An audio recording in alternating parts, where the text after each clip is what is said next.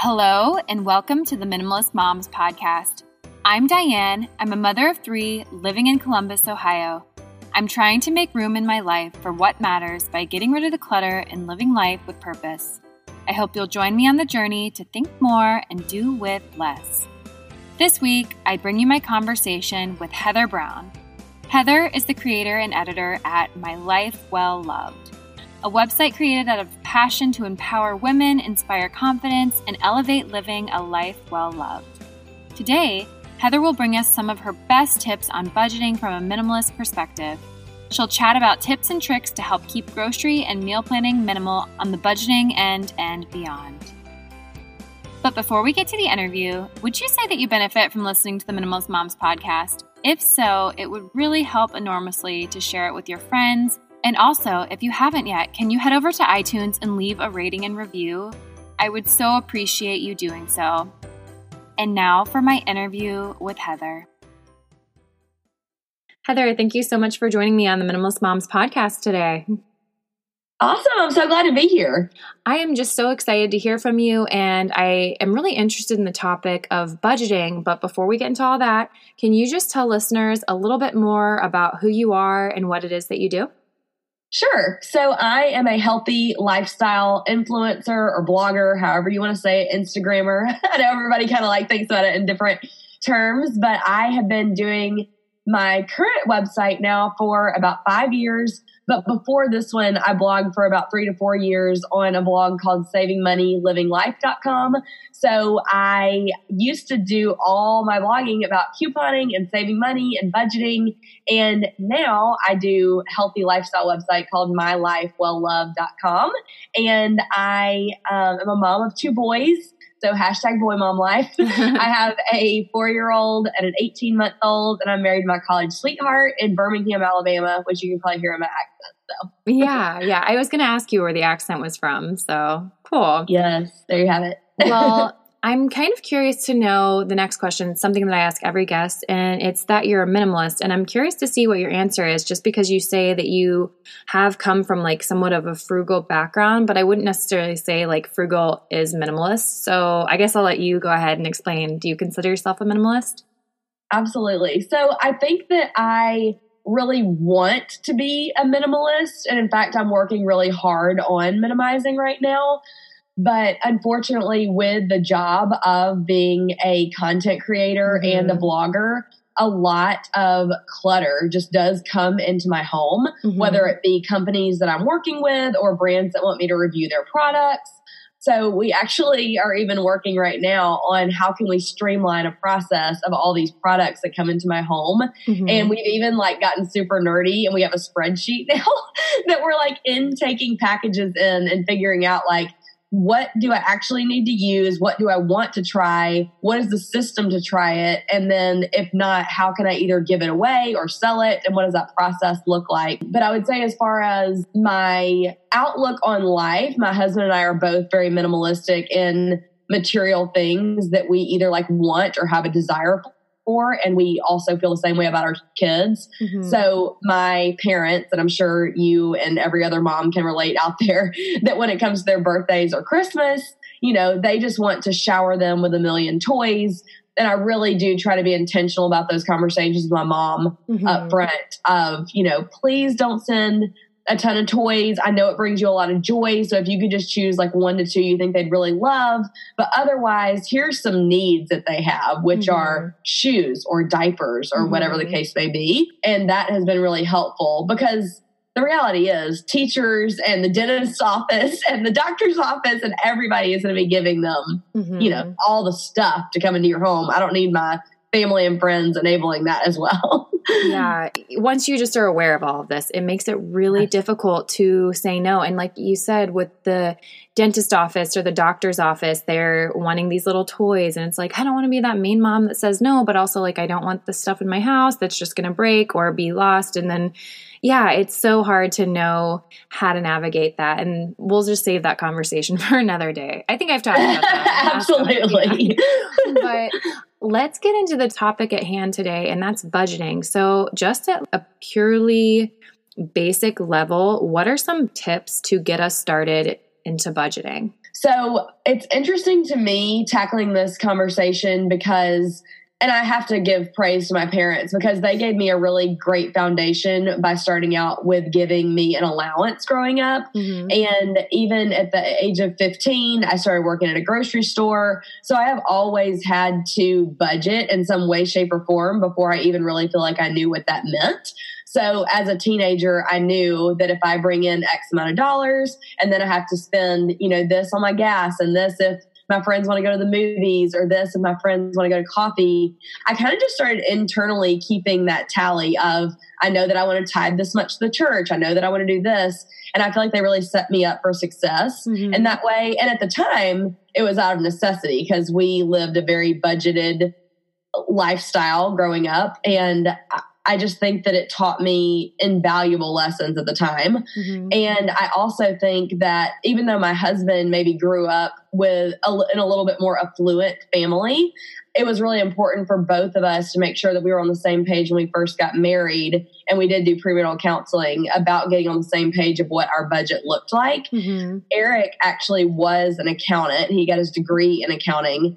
And so we started out when we first got married with a very strict budget. I mean, we did the whole nine yards where there was an Excel spreadsheet and how much we were going to be, you know, paying for gases, groceries, you know, mm-hmm. all the line items that you would have. And so it's interesting because kind of evolved over time, I feel like, and just our needs with budgets. But now I'm laughing at myself because I've now been a business owner for about I would say really three years where this has been a full time business for me with My Life Well Loved. Mm-hmm. And I literally just this year implemented my first budget for the business, mm. which I'm like, oh my gosh, Heather, you know better. Like, why have you not had a budget before now? Mm-hmm. So I do think communicating is really the, the foundation of those budgets and getting on the same page, especially if you're married with your spouse or for me with my assistant or My Life Well Loved and mm-hmm. those kind of things.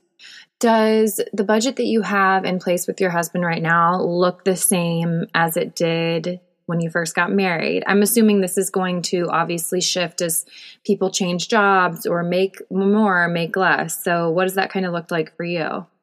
Absolutely. So, it's interesting that you asked this because in the beginning, it was a lot more strict. And I would absolutely tell anybody that if you don't know how to start a budget, you don't know the first thing about it, or you just feel lost, Dave Ramsey has a really incredible program that he does. And actually, a lot of churches offer it. So you definitely should even just go to his website. I'm sure it's up there. But we kind of unknowingly believed in a lot of the principles that he teaches. So to us, it never really was a thing to live above our means. So we have always lived below our means and anything extra that we have had, we have said we're going to put that towards savings, to investment for the future, for mm-hmm. um, you know, kids' college, that kind of thing. Mm-hmm. But in the very beginning of our marriage, I mean, that's why I started savingmoneylivinglife.com was because I was trying to live on a $40 a week grocery budget.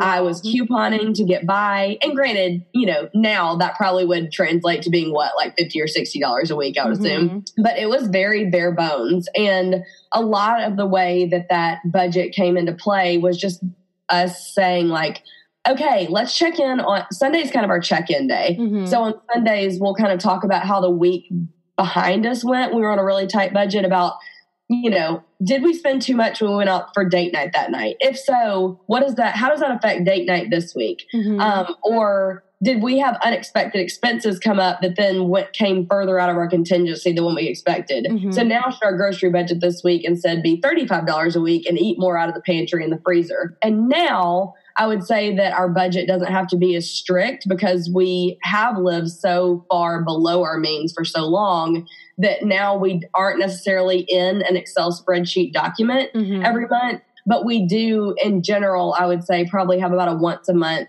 check in where we just say like how are we doing? Are we at about where we think we should be? Have we had big expenses that have come up? And so i think just being really hardcore when you need to be and you have big goals to meet is great because it sets you up for in the future now, you know, almost 12 years in a marriage where our budget can be a little bit more fluid, I think, than how rigid it was in the beginning. Mm-hmm. Gosh, you said so many things. I want to take so many different paths, but the app Mint, have you heard of that before?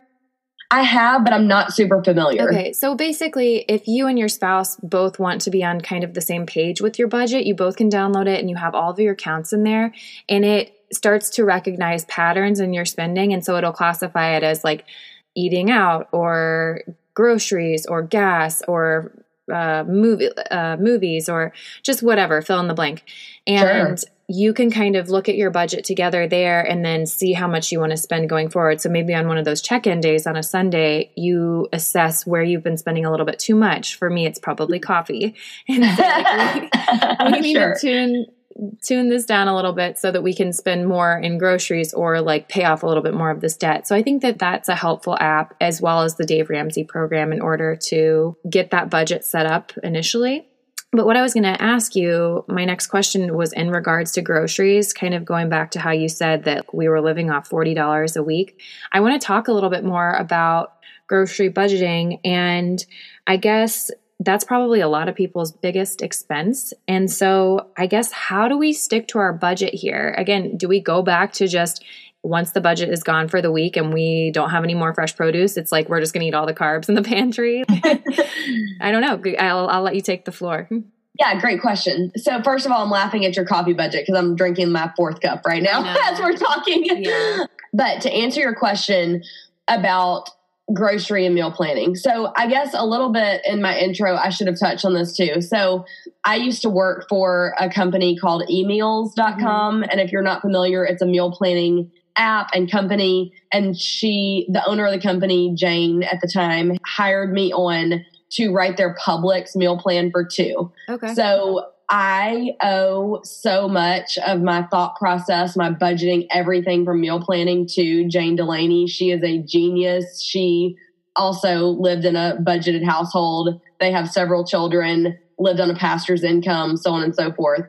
So, what she always preached to me was, you know, Heather, when people are in financial distress, there are so many things that you cannot control. You can't really control your power bill. You can't really control your mortgage. You can't, other than, you know, obviously like when you first buy a house and budgeting appropriately. Mm-hmm. But she said when people have a fixed income, one of the few things you can control though is your grocery budget because that fluctuates. There are sales, there are coupons available. So what she really honed in and taught me how to do is to meal plan to save money mm-hmm. and to meal plan to eat healthier because inevitably it does that if you're planning to eat in mm-hmm. and to meal plan also to save money. And the way that when you meal plan it saves you money is if you do it the right way and not the wrong way. And the wrong way would be saying, what do we feel like eating this week? I think we're going to have steak with corn and a salad and we're going to make this casserole and we're going to do this. But if instead you say, no, actually, I'm going to start with what's on sale and shop my freezer and my pantry first and build my meal plan from there, that is what's going to really help you, one, minimize your grocery budget. Two, maybe as a byproduct, minimizing in your waistline if that's mm-hmm. a goal. Um, and three, it's really going to help you be more mindful of what is already in your home and help you not waste. Mm-hmm. So, my first step every time that I do a meal plan is to take out my sheet of paper. I go to my pantry, I go to my freezer, I go to my fridge, and I take stock of all the things that I think would make an easy meal, and preferably for me, an easy, healthy meal because it's important to me to eat healthy. So I might write down things like, you know, still have rice, black beans, still have um, canned tomatoes, still have a leftover bag salad from last week. I have bananas, I have avocados. And then I kind of have that running list.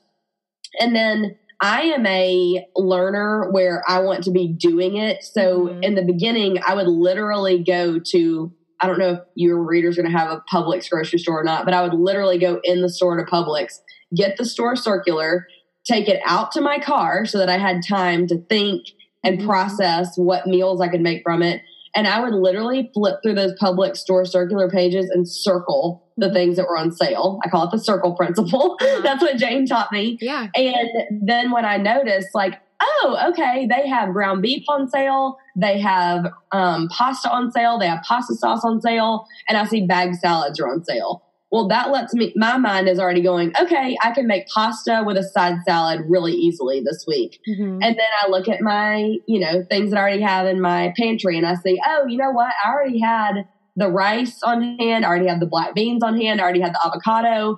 So maybe then I'll buy enough of the ground beef to repurpose for like a taco bowl night as well as the pasta. And doing that helps you just save so much money. And a lot of times people don't think about the fact that if you go to Pinterest and you just dream big about whatever you're going to make in your meal plan, it makes it so much more complicated. Mm-hmm. Not only, and I love what you do preaching minimalism because I think that if we take a minimalist mindset to the way that we cook too, we're inevitably going to be making healthier meals and more frugal meals mm-hmm. because most of our meals are not a complicated recipe. It is chicken in the crock pot, dump some sauce on it, serve it over a bed of lettuce or brown rice or mm-hmm. beans or wrap it in a tortilla. But if you make a casserole with all these extra ingredients that cost more and all these unhealthy, loaded mm-hmm. extra fats, mm-hmm. that can become a problem it's always been hard to meal plan because I'm such an emotional eater. I'm like, oh, I don't feel oh. like this tonight. But I think, like you said, if you have a goal that you're working towards, you got to put that emotion aside and just kind of stick to the plan, like you said. And Absolutely. I think over time that you'll probably get used to that like because it just becomes habit so sure and that's another thing too that i did want to point out is especially if it's something that i see that is like let's say it's buy one get one free or mm-hmm. it's on a huge sale and it's a product that i know that we love mm-hmm. if i've got a little bit of extra in the grocery budget that week then i might buy like four of those to stock up my pantry for future weeks when it's not on sale but i'm probably going to use it in a recipe anyway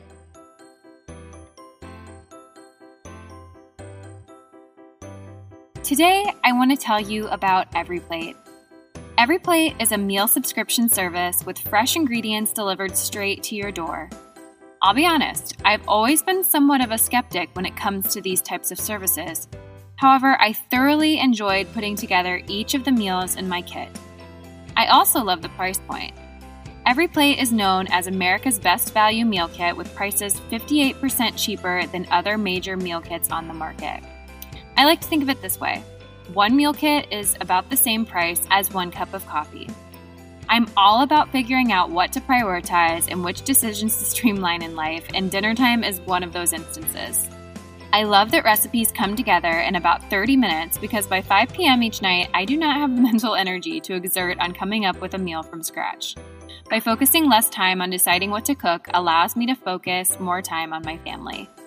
A delicious, healthy meal for dinner plus quality family time. Sign me up. So, get three weeks of EveryPlate meals for only $2.99 per meal by going to everyplate.com and entering code MINIMALIST3.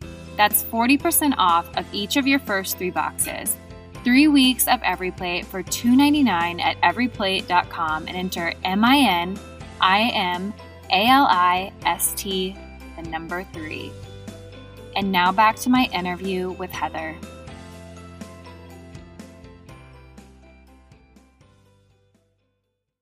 Let's just dive into some listener questions that I have. I put this out there oh. just if anyone had any questions in regards to budgeting.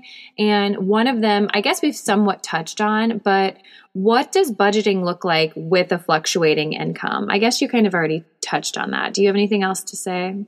I tried to a little bit, but I mean, and I, I feel her pain in the fact that being an influencer, my my income is fluctuating because I can project what I think I might make from a revenue perspective. But if not all those advertisers are willing to work with me that month because it's a down month for them, then I then need to adjust my budget mm-hmm. accordingly. Mm-hmm. So I would just say that I think it's really helpful to live below your means always. And I think mm-hmm. that as Americans, we tend to struggle with that concept. Mm-hmm. So that then when there are the months that you have the fluctuating income, you're prepared that you pulled enough aside that you aren't living in the stress zone all the time. And that's so much easier said than done. And I know that I feel for that question because it's real.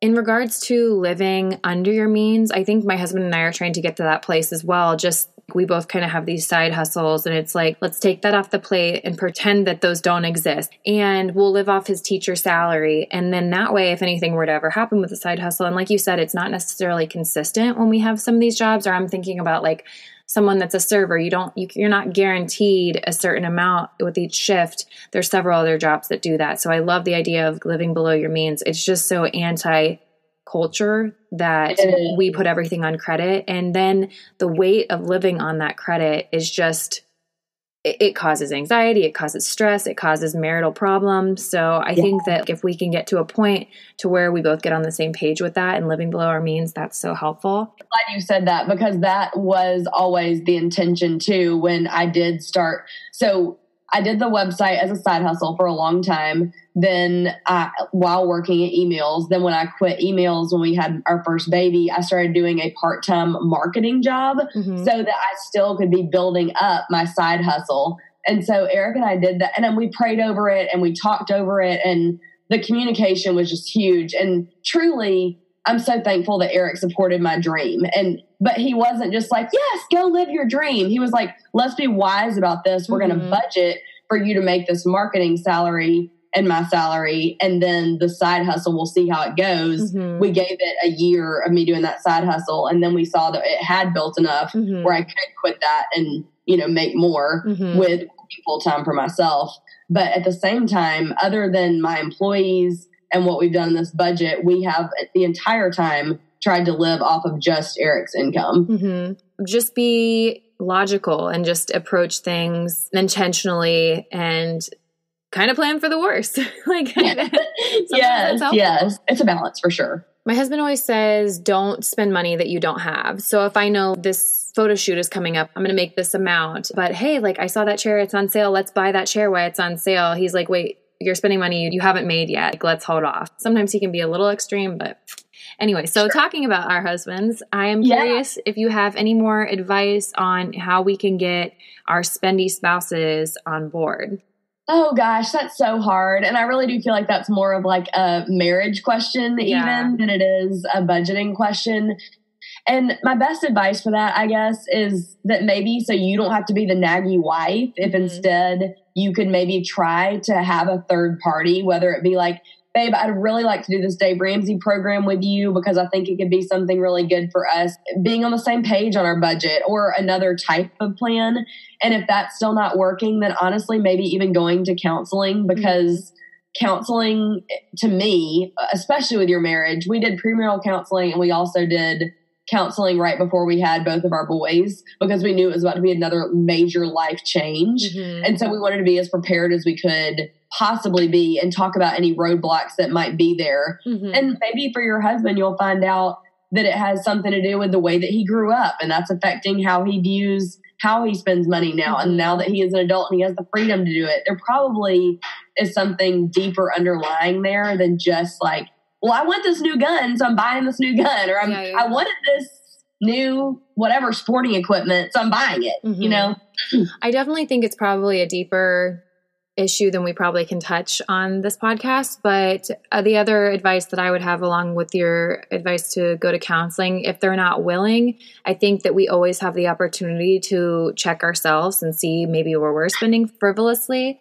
And I know someone personally that this is their circumstance. The husband's not on board, the wife is. And so she has started cutting down her coffee consumption. She was seeing she was going to Starbucks almost daily. And so she's like, I'm going to cut this out. And how much am I going to save a month? I'm going to put that towards debt. Like we can start paying a little bit more off.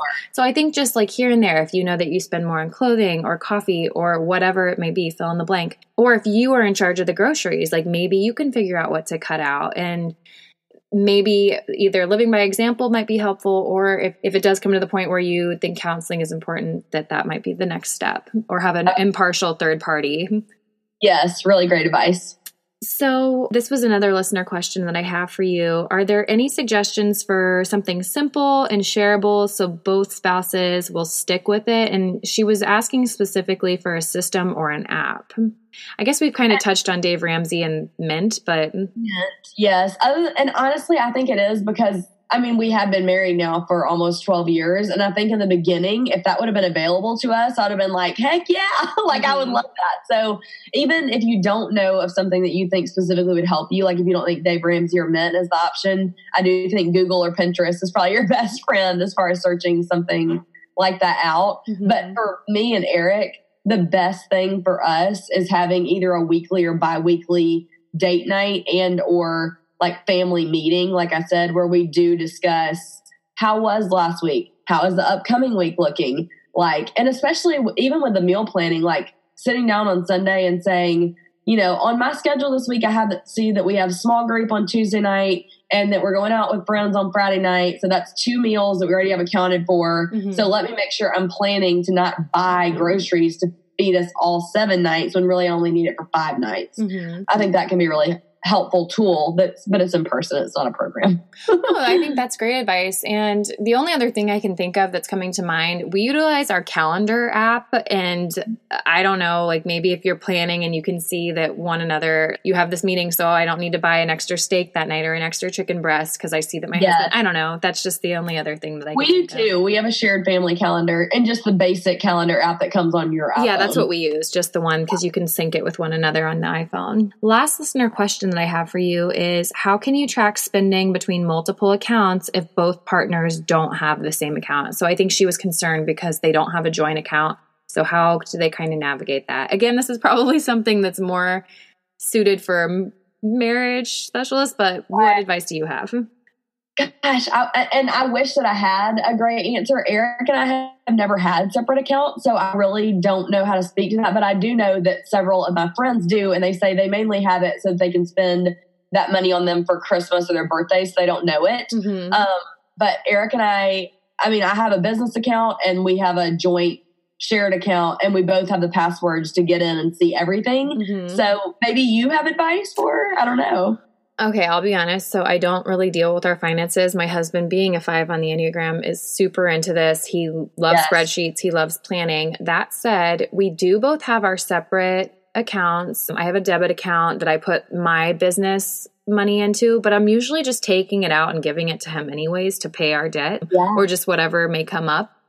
I don't know. I think you probably just need to have a face to face with one another and get on the same page. This is your marriage, and this is something that if this is your spouse, you should be able to have uncensored, honest conversations with them. It might hurt feelings, it might ruffle a bit of feathers, but that is something that I think that we should work on and work towards. If it ruffles feathers to have conversations about finances, that's something that you need to work on. I don't want those areas in my marriage and in my life where I feel as though I can't talk to my spouse about something because I am given this person to where I should be able to discuss everything. Now, I know there might be a couple of things here and there that might be hurtful, but in sure. regards to like finances or just open communication, that to me, you need to just lay the cards out on the table. We need to work through this together. We're a team. We're on the same team. We're on the same partnership. We're on the same page. And so I would say I'm I'm okay with having some separate accounts, but if you're looking towards tracking spending between multiple accounts, I think you just have to have an honest conversation and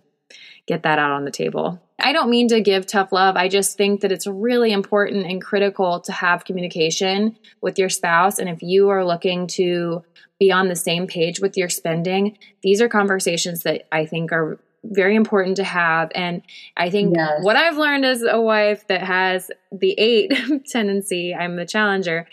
It's all about yeah. my tone. It's all about my approach, and that can make or break a conversation. So I think if you are struggling in this area with your spouse, it's just all about how you approach it. But I think it does need to be approached. Yes, my father in law always says that if you're going to have a discussion with anyone over something that might ruffle feathers or is important, that it's all about time, manner, and place. Mm-hmm. And I think about that all the time, especially when I'm talking with my husband. And sometimes, with him being a five, you'll probably appreciate this. I'll say to Eric, Hey, babe, we don't have to talk about this right now, but I'd like for you to be thinking about in the next couple of days that I would like to discuss our finances as it relates to how we are giving mm-hmm. right now. So mm-hmm. can you just let me know when you're ready to talk about that? So kind of yeah. like putting the ball in their court and giving them the opportunity to n- prepare mentally to talk about it. Mm-hmm, absolutely. And yeah, I think that we have learned do not have conversations after 8 p.m. at night, maybe 9 p.m. for some people, but it just, you're both exhausted at the end of a long day, at a long week. You're so right. The timing is everything. And I like putting the ball in their court. And it's funny, I feel like this is turning into a marriage podcast, but I think budgeting and finances, they are like, that's one of the biggest reasons that people usually split up. And communication is probably another one at the top of that list. And so, I think if we can get to a point to where we can openly communicate about our budget, that is just really critical probably in the longevity of our relationship. So hmm. And I do have to tell you now that I'm thinking in this vein, and then I promise I'll quit talking about my marriage. But Eric, Eric is just incredible, and I'm so incredibly grateful how different he is. And like you said, with being a five, how much of in much he does handle our budget. But one thing that I did learn in our counseling session we had before we had kids was that if you are going to have a tough discussion, that you should think about the acronym HALT uh-huh. and halt your conversation if you are hungry, angry, lonely, or tired. Mm-hmm. And if you're any of those things, then you should wait until those feelings have passed. Mm-hmm. And I think, and beforehand, we I would have always thought like, well, we need to hash this out before we go to bed. But it's actually, well, no, maybe you do need to sleep on it Mhm. and then come back refreshed, not hungry, angry, lonely, or tired. Yeah, no, that's great advice. I've heard that in regards to parenting as well. Just when your kids are mm-hmm. in that stage, it's probably not the best to have super high expectations for them. But if listeners want to find you, where can they connect with you online? Absolutely. Well, thank you for having me. They can find me at My Life Well Loved on Instagram. I am on stories all day long, showing day to day healthy hacks, budgeting, frugal meals. If you go to my Instagram highlight, you can even see my healthy picks, healthy recipes. And if you go to My Life Well Loved with three L's dot com and use the search bar in the upper right hand corner, you can search recipes, meal planning, and find out more information. Well, as we wrap things up here, I'm going to ask you the two questions that I ask every guest. And the first one is What is something that you're simplifying right now? AKA, what is your minimalist moment of the week? Okay, I'm really working on simplifying my office right now. Mhm. I'm sure any of the mamas in your op- in your audience will be able to relate to this. But my office is half my office and half the kids' playroom. Mhm. So I just feel like as moms, a lot of times, like we don't really truly own a space in our home that is just ours. Like you Yeah. can't even go to the bathroom. so let alone you know my working space. yeah. And it truly is stressing me out even just to look in my office right now and see the toys exploded everywhere. Mhm. So I'm trying to figure out a way to clean out more toys again, organize the office so that I have a shelving system that is just my office supplies and a shelving system that is just kids' toys. Yeah, that is really important. I'm seeing that in my own space that it's just really important to have that space carved out and just this is mine, this is yours and yeah, that's very helpful. Yes. Well, my last question for you is what is something that you can't stop talking about and this can be in relation to minimalism or just something that you're very excited about. Oh, you're gonna laugh because we've been talking about it this whole time too, interweaved is the Enneagram. Okay. I like can't get enough of the Enneagram right now. Um, I and I would say too, like macros and intermittent fasting. I'm Mhm. fascinated by learning about all those things right Mhm. now. Well, Heather, thank you so much for joining me today on the Minimalist Moms podcast. You have a great rest of your day. Thanks, girl. You too. What did you think of the interview with Heather? I'll say for my husband and I, staying on budget has definitely been easier if you remember to write your purchases down, use an app or some type of tracking tool. It might seem like a long process, however, I think the more that you do it, the easier it becomes. And remember that managing your money doesn't have to be complex. You can easily track your spending and become even more intentional about your expenses, even if you have to have that difficult talk with your partner beforehand. And I really encourage you to do so sooner than later and receive the benefits of working towards a financial goal with one another. And this might sound kind of cheesy, but the payoff will not only benefit your wallet, but also your relationship. So it's kind of a win win. I invite you to keep the conversation going at minimalistmomspodcast.com. There you'll find links to the Facebook page, Instagram account, and where you can find me all around the web. Exciting news! I'll be releasing two episodes a week during this period of quarantine. I wanted to give you a little bit more to listen to as you're around your house or out on a walk. So join me back here on Thursday as I speak with Carrie and Bailey of Fit Mama and 30. They'll discuss a less is more approach to fitness and how we can minimize our time spent working out so that we can free up time we can be using elsewhere. Thank you for joining up on this journey. I wish you a lovely week as you think more and do with less.